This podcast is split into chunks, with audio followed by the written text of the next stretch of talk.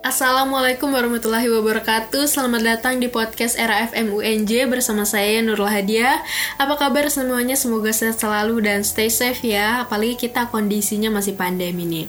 Ngomong-ngomong soal pandemi, kondisi negara kita udah mulai memasuki masa new normal nih Walaupun belum sepenuhnya semua berjalan normal.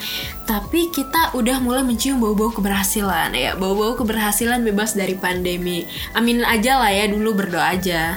Tapi walau begitu, setidaknya kita tetap mengurangi untuk keluar rumah jika nggak terlalu perlu kecuali ya emang butuh kayak belanja bulanan kebutuhan atau buat pergi kerja intinya jangan nongkrong-nongkrong seenaknya dulu lah ya karena arti new normal di sini tuh bukan kita udah bebas dari COVID-19, tapi maksudnya adalah kita mulai beraktivitas kembali dengan prosedur baru demi menyelamatkan perekonomian negara gitu. Nah, untuk kalian semua, kalau pandemi udah berakhir, mau ngapain aja sih? Mungkin yang baru terlintas di pikiran adalah ngumpul sama teman dan jalan-jalan. Udah gitu aja. Kayak kurang gak sih? Padahal kan kita udah terkurung dalam rumah selama berbulan-bulan. Atau bahkan sebagian dari kalian malah udah telanjur nyaman nih di rumah. Rebahan di atas kasur, main HP seharian, atau bahkan udah lupa ah, rasanya bersosialisasi gimana ya? gitu. Nah oleh karena itu aku mau kasih beberapa referensi hal-hal yang bisa kalian lakukan setelah selesainya pandemi biar kalian bisa lebih produktif. Karena di kala pandemi sebagian besar produktivitas kita jadi ikut berkurang juga. Kondisi new normal ya berarti setidaknya kita new juga gitu kan new normal new me. Jadi untuk sama pandemi ini mungkin kita bisa mulai menabung dulu. Nah buat kalian yang aduh aku selama pandemi uang jajan ikutan lockdown nih nggak punya duit sama sekali nggak punya penghasilan.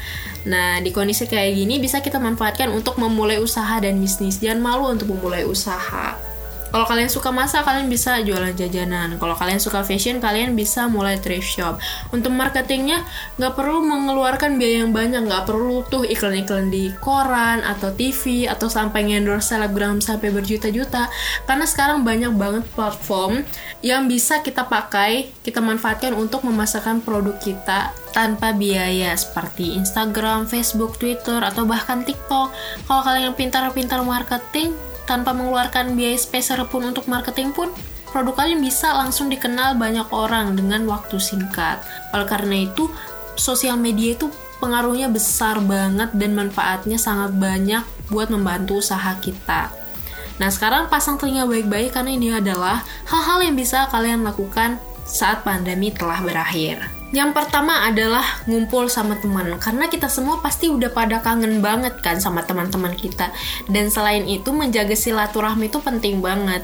Tapi untuk saat ini masih bukan waktu yang tepat ya untuk ngumpul sama teman karena aku lihat banyak banget di sosial media yang ngumpul sama temennya tapi bukan 2 3 orang. Se-RT udah kayak mau arisan. Karena miris nggak sih masyarakat Indonesia semakin lama semakin menyepelekan COVID-19. Jadi dimohon ya kewaspadaannya. Yang kedua adalah pergi ke gym atau olahraga. Kalau kalian nggak punya duit buat ke gym, kalian bisa jogging ke taman atau ikutan car free day atau bahkan bisa main basket, futsal bareng teman atau bahkan yang paling kita kangenin adalah berenang.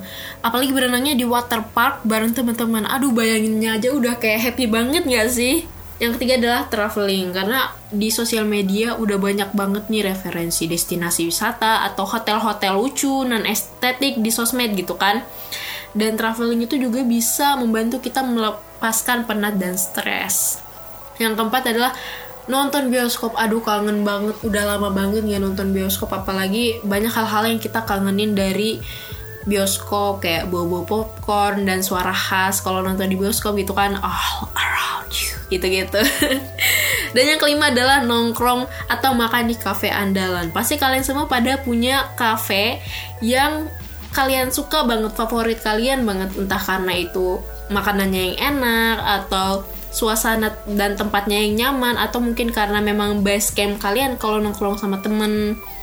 Terus yang keenam ini adalah piknik. Nah, kalaupun kalian gak punya duit buat keluar kota, kalian bisa piknik bareng keluarga, bisa di taman, atau pokoknya dekat-dekat rumah lah. Karena jenuh gak sih di rumah mulu. Jadi kita cari suasana baru, piknik bareng keluarga gitu kan, bawa bekal-bekal, terus gelar karpet, ngobrol-ngobrol sama keluarga di alam terbuka. Itu aduh senang banget nggak sih terus yang terakhir adalah mengembangkan usaha atau bisnis kalian kalau misalnya kalian sudah mulai buka bisnis di kala pandemi nanti kalau sudah berakhir kalian bisa kembangkan misalnya buka outlet atau toko yang biasanya kalian jualan online kalian jualan offline juga. Mungkin itu aja daftar hal yang bisa kalian lakukan setelah pandemi berakhir. Bisa kalian jadikan sebagai referensi untuk pelayan kalian di waktu yang akan datang.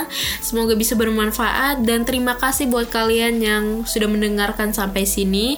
Intinya juga kesehatan tetap di rumah. Jika ada perlu di luar selalu pakai masker sering cuci tangan dan stay safe semuanya. Bye assalamualaikum warahmatullahi wabarakatuh